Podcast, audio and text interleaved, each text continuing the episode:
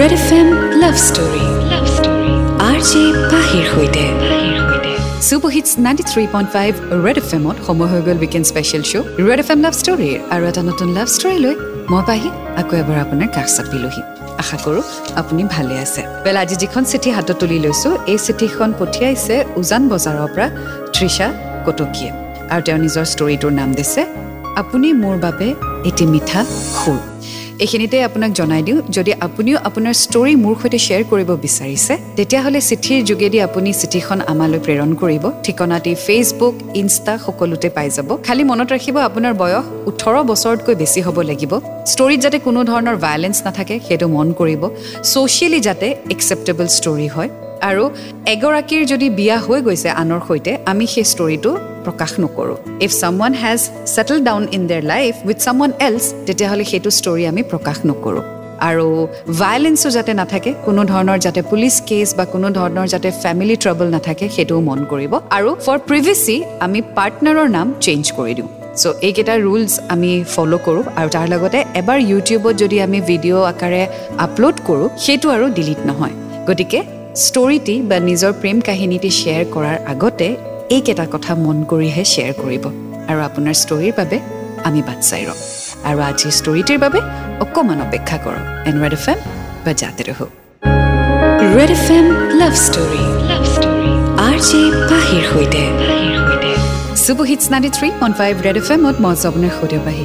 Show চলি আছে weekend special Red F M love story আজি শুনি আছোঁ তৃষা কটকীৰ লাভ ষ্টৰী আপুনি মোৰ বাবে এটি মিঠা সুৰ। চ' আহক শুনো আজিৰ লাভ ষ্টৰী মৰমৰ পাহিবা।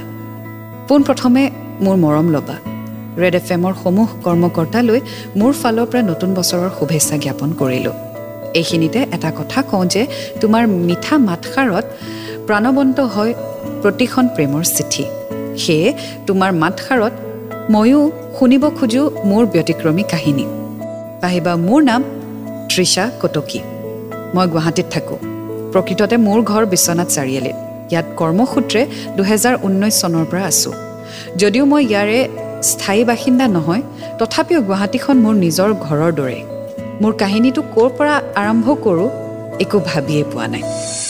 চ' আজি আমি শুনি গৈ থাকিম তৃষাৰ লাভ ষ্টৰী আপুনি মোৰ বাবে এটি মিঠা সুৰ ৰেড এফ এম বাজাতে ৰহ Red F M love story love story R J পাহিৰ সৈতে welcome back to the show' Red F M love story মই আছোঁ আপোনাৰ সৈতে পাহি আজি শুনি আছোঁ তৃষাৰ লাভ ষ্টৰী আপুনি মোৰ বাবে এটি মিঠা সুৰ আগলৈ তেওঁ লিখিছে কলমটো হাতত তুলি লওঁতে হাতৰ আঙুলিকেইটা লাজত আৰু ভয়ত কঁপি উঠিছে এসোটা গৰম তেজ আহি কাণৰ লুটিত জমা হৈছে নাকৰ পাহি দুটা ফুলি উঠিছে কলেজৰ দিনত লিখা চিঠি প্ৰতিযোগিতাত লিখা চিঠিখন আছিল মোৰ প্ৰথম চিঠি জীৱনৰ। তাৰপিছত তেওঁক দিছিলোঁ মোৰ দ্বিতীয় চিঠি।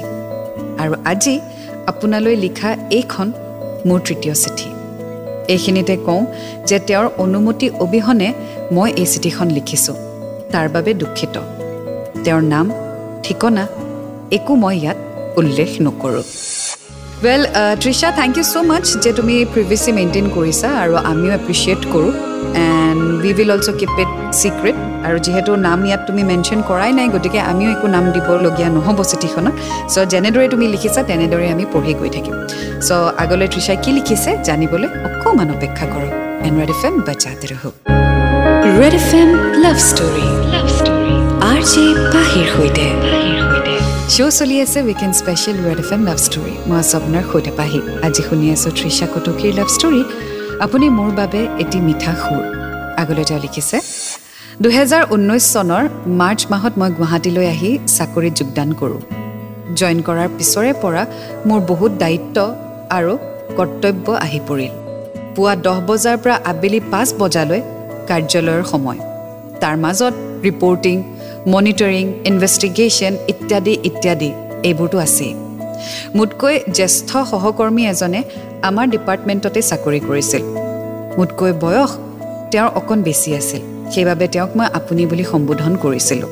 এনেও মই অফিচিয়েল ক্ষেত্ৰত মানুহক আপুনি বুলিয়ে কওঁ। তেওঁৰ সৈতে কথা বতৰা মোৰ খুব কম হৈছিল। কিন্তু তথ্যভিত্তিক কিবা আলোচনা থাকিলে মই তেওঁৰ পৰা সহায় লৈছিলোঁ। আনকি তেওঁ মোৰ পৰা সহায় লৈছিল। আমি প্ৰায় একেলগেই কাম কৰিছিলোঁ। মিটিং ট্ৰেইনিং এইবোৰতো একেলগেই গৈছিলোঁ। চ' এই ব্যক্তিজন কোন সেয়া জানিবলৈ আপুনি অকণমান অপেক্ষা কৰিব লাগিব। শুনি থাকক আজি ষ্টৰিটি এণ্ড ৰেড এফ এম বাজাতে ৰহক Red F M love story love story R J পাহিৰ সৈতে। ৱেলকাম বেক শ্ব' চলি আছে weekend special Red F M love story মই আছোঁ আপোনাৰ সৈতে পাহি। আজি শুনি আছোঁ তৃষা কটকীৰ লাভ ষ্টৰী আপুনি মোৰ বাবে এটি মিঠা সুৰ। আগলৈ চিঠিখনত লিখিছে তেওঁ স্বভাৱত বহুত লাজকুৰীয়া। অফিচৰ কামৰ বাহিৰে আমি ব্যক্তিগত বিষয় লৈ কেতিয়াও কথা পতা নাছিলোঁ। দুই এটা কথা পতা হৈছিল যদিও দুয়ো ফালৰি কাটি আকৌ অফিচৰ কথাই পতা হৈছিল। অফিচত তেওঁৰ সৈতে মোক বহুত জোকাইছিল সকলোৱে। মই আওকাণ কৰিছিলোঁ কাৰণ ইতিমধ্যে মই এটা প্ৰেমৰ সম্পৰ্কৰ পৰা বিচ্ছেদিত হৈছিলোঁ। সেয়ে প্ৰেম ভালপোৱাৰ প্ৰতি অলপ আঁতৰি আছিলোঁ। তেওঁৰ সৈতে একেলগে কাম কৰাৰ পিছত তেওঁৰ নিষ্ঠাবান পৰিশ্ৰম কৰ্তব্যপৰায়ণ আৰু দায়িত্ববান দেখি মোৰ লাহে লাহে তেওঁৰ প্ৰতি আন্তৰিকতা বাঢ়িবলৈ ধৰিলে। কিন্তু কোনোদিনে কথাটো তেওঁক প্ৰকাশ কৰা নাছিলোঁ। তেওঁৰ ভাল লগা বেয়া লগাবোৰ মোৰ সৈতে মিল দেখা পালোঁ। মানে ধৰি লওক মই ফটো উঠি ভাল পাওঁ প্ৰকৃতি ভাল পাওঁ গান কবিতা নাটক আদি ভাল পাওঁ। ইমানবোৰ মিল দেখি মই সঁচাকৈ আচৰিত হৈছিলোঁ। কি এক সংযোগ। কেতিয়াও তেওঁক মেছেজ ভিডিঅ' কল ফোন আদি কৰি আমনি নিদিওঁ। আৰু এনেকৈ বছৰ বাগৰিল। ছাগলী কি হয় জানিবলৈ শুনি থাকক আজি story and Red F M বেজাতে ৰহো।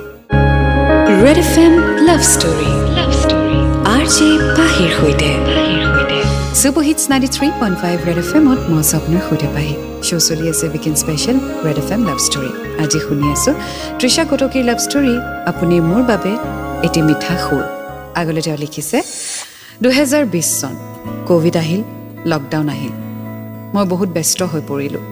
তেওঁ নিজৰ কৰ্মক্ষেত্ৰত ব্যস্ত হৈ পৰিল। ক'ভিডে বহুত শিক্ষা দি গ'ল। কিছু অভিজ্ঞতা কিছু যন্ত্ৰণা আৰু কিছু যান্ত্ৰিকতা। ক'ভিডত ব্যস্ত থকাৰ বাবেই কিজানি তেওঁৰ বাবে সযতনে ৰখা মৰম ভালপোৱাখিনি কোনোবা এটা চুকত অনাদৰ হৈ পৰি ৰ'ল। ক'ভিড গ'ল আকৌ নিয়মীয়া কামবোৰ আৰম্ভ হ'ল। হঠাতে এখন অৰ্ডাৰ লেটাৰ আহিল। তেওঁ বদলি হৈ বেলেগ এখন দেশলৈ যাব। এই বাতৰিটোৱে মোক শোকত ম্ৰিয়মান কৰি তুলিলে। যাবৰ দিনা তেওঁ আমাৰ অফিচলৈ আহিছিল।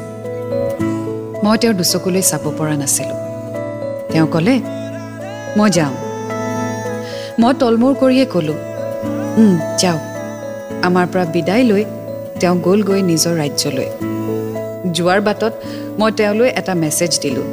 We all will miss you সিফালৰ পৰা ৰিপ্লাই আহিছিল me too please keep in touch এই মেছেজটো পঢ়ি দুচকু সেমেকি উঠিল ৱেল কেতিয়াবা কিছুমান কথা আমি কওঁ বুলিও ক'ব নোৱাৰোঁ কাৰণ সন্মুখৰ মানুহজনক আমি ইমান বেছি ৰেচপেক্ট কৰোঁ বা মানুহজনীক ইমান বেছি ৰেচপেক্ট কৰোঁ যে মনৰ কথাখিনি ক'লে যেন তেওঁ আমাক জাজ কৰিব বা হয়তো তেওঁ আমাৰ পৰা একেবাৰে আঁতৰি যাব বা যিখিনি অকণমান এটা ফিলিংছ বা আণ্ডাৰষ্টেণ্ডিং বা মিউচুৱেল ৰেচপেক্ট আছে সেইটোও যেন নোহোৱা হৈ যাব সেইটো ভয়তে আমি একচুৱেলি কেতিয়াবা কিছুমান কথা নিজৰ মাজতে ৰাখি দিওঁ। হয়নে আপোনাৰো তেনেকুৱা? কমেণ্ট ছেকশ্যনত জনাবচোন যে আপুনিও কেতিয়াবা কাৰোবাক হেৰুৱাৰ ভয়তেই নিজৰ মনৰ কথাখিনি নক'লে নেকি বাৰু? বা সন্মানৰ কাৰণে? এণ্ড ৰেড এফ এম বেজাতে ৰহক। Red F M love story love story R J পাহিৰ সৈতে। শ্ব' চলি আছে weekend special Red F M love story মই আছোঁ আপোনাৰ সৈতে পাহি। আজি আমি শুনি আছোঁ তৃষা কটকীৰ লাভ ষ্টৰী আগলৈ তেওঁ লিখিছে এনেদৰে দিন মাহ বছৰ বাগৰিলে। তেওঁৰ খবৰ এতিয়াও লৈ থাকোঁ। মাহত এটা ফোন কৰোঁ। কথা খুব কমকৈ পতা হয়। কেতিয়াবা কিবা সৃজনীমূলক কিবা লিখিলে বা ছবি আঁকিলে তেওঁ প্ৰশংসা কৰি কয় বঢ়িয়া হৈছে। বাছ ইমানেই। নতুন বছৰৰ শুভেচ্ছা জনাওঁ। তেওঁ জনায় তেওঁলৈ এখন চিঠি লিখিছিলোঁ। ইতিমধ্যে উল্লেখ কৰিছিলোঁৱেই আপোনাক। এইবাৰ তেওঁৰ জন্মদিনত তেওঁৰে এটি প্ৰতিচ্ছবি নিজ হাতে আঁকি তেওঁক উপহাৰ দিছিলোঁ। প্ৰতিটো সময়ত তেওঁৰ অনুভৱেৰে মই জীপাল হৈ থাকোঁ। তেওঁ চাগৈ মোৰ দৰে নাভাবে কাৰণ মই যে একপক্ষীয়া প্ৰেমৰ অপৰাধত কাৰাগাৰৰ কয়দী এতিয়া। মোৰ প্ৰতি তেওঁৰ আন্তৰিকতা আছেনে নাই নাজানো ভাল পোৱা আছেনে নাই সেয়াও নাজানো। সন্মান কৰে তেওঁ মোক। মোৰ গল্প কবিতা এইবোৰো পঢ়ে। বাছ সিমানেই। ৱেল যিটো মই অলপ আগতে কৈছিলোঁ কেতিয়াবা কিছুমান কথা কিছুমান মানুহৰ আগত শ্বেয়াৰ কৰিব নোৱাৰি। যদিও আমি তেওঁক ভাল পাই পেলাইছোঁ বাট ক'ৰবাত নহয় ক'ৰবাত এটা সংকোচ থাকিয়ে যায়। হয়তো আমি তেওঁক ইমানেই বেছি সন্মান কৰোঁ বা হয়তো ইমানেই বেছি ভাল পাই পেলাইছোঁ যে তেওঁক ক'বলৈকো ভয় কৰোঁ। ক'ৰবাত যেন আমিয়ে তেওঁৰ চকুত তল পৰি যাওঁ। হয়নে? শুনি থাকক আজি story and Red F M F M love story love story R J পাহিৰ সৈতে। Super hits ninety three point five Red F এমত মই আছোঁ আপোনাৰ সৈতে পাহি। শ্ব' চলি আছে weekend special Red F M love story আজি শুনি আছোঁ তৃষা কটকীৰ ষ্টৰী আপুনি মোৰ বাবে এটি মিঠা সুৰ। আগতে তেওঁ লিখিছে তেওঁৰ বাবে মোৰ এটা কবিতা। আপুনি আপুনি গোন্ধাই থকা মোৰ চৌপাশত মই প্ৰেমৰ ৰাগীত বলিয়া। মনটো যদিও ফৰকাল আপোনাক কাষত নেদেখাৰ বাবে হৃদয়খন আজিও ডাৱৰীয়া। তেওঁৰ বন্ধুসকলে তেওঁক বিয়া পাতিবৰ বাবে কয় তেওঁ হেনো কোনোদিন বিয়া নাপাতে। তেওঁৰ লক্ষ্য কোনোবা বৃদ্ধ বা অনাথৰ বাবে জীৱনটো আগবঢ়াই নিয়াৰ। এইখিনিৰ বাবে মই তেওঁক সন্মান জনাওঁ। উৎসাহ দিওঁ যাতে তেওঁ তেওঁৰ মতে জীৱনটো উদযাপন কৰিব পাৰে। ভালপোৱাৰ শিকলিৰে বন্দী কৰা নাই তেওঁৰ জীৱন। তেওঁৰ বাবে মোৰ অনুভৱ সদায় সুকীয়া। সযতনে তেওঁক ৰাখি থৈছোঁ যাতে কোনোদিন তেওঁ মোৰ পৰা আঁতৰি নাযায়। আজিও এই লিখি থকা মুহূৰ্ততো নাজানো মোৰ প্ৰতি তেওঁৰ অনুভৱ আছেনে নাই। উত্তৰৰ আশাটো নাই। প্ৰতিদান মোৰ কাৰ্য নহয় কিন্তু মই যে তেওঁৰ একান্ত প্ৰেয়সী। শেষত এটাই কওঁ সদায় যেন তেওঁ কুশলে থাকক সুখ আৰু সফলতাত যেন তেওঁ আগুৱাই যাওক। হিমালয়ৰ উচ্চ শিখৰত তেওঁ যেন সদায় জিলিকি থাকে। এয়াই মোৰ শুভেচ্ছা। আপোনাক মই ভাল পাওঁ বুলি কেতিয়াও ক'ব নোৱাৰোঁ। আপুনি মোৰ বাবে বাস্তৱৰ এটা মিঠা সুৰ। ধন্যবাদ। সকলোলৈকে কৃতজ্ঞতা জনালোঁ মোৰ চিঠিখন পঢ়ি দিয়াৰ বাবে। ইটি Trisha Kotoki Guwahati. Well Trisha thank you so' much for sharing your story and I can understand যে তুমি তেওঁক আচলতে বহুত বেছি সন্মান কৰা। সেইটোৰ বাবে তেওঁক তোমাৰ মনৰ কথাখিনি ক'ব বিচৰা নাই। বাট যদি তেওঁ তোমাৰ বাবে একেখিনিয়েই ফিল কৰে হয়তো এই কাহিনীটো আধৰুৱা হৈ থাকিব। গতিকে আই কেন অনলি ছাজেষ্ট যে এই ষ্টৰিটো তুমি তেওঁৰ সৈতে শ্বেয়াৰ কৰা। একো ক'বও নালাগে বাট এই ষ্টৰিটিৰ জৰিয়তে হয়তো তেওঁ মনৰ কথাখিনি বুজি পাব। এটলিষ্ট হয়তো চোৱা।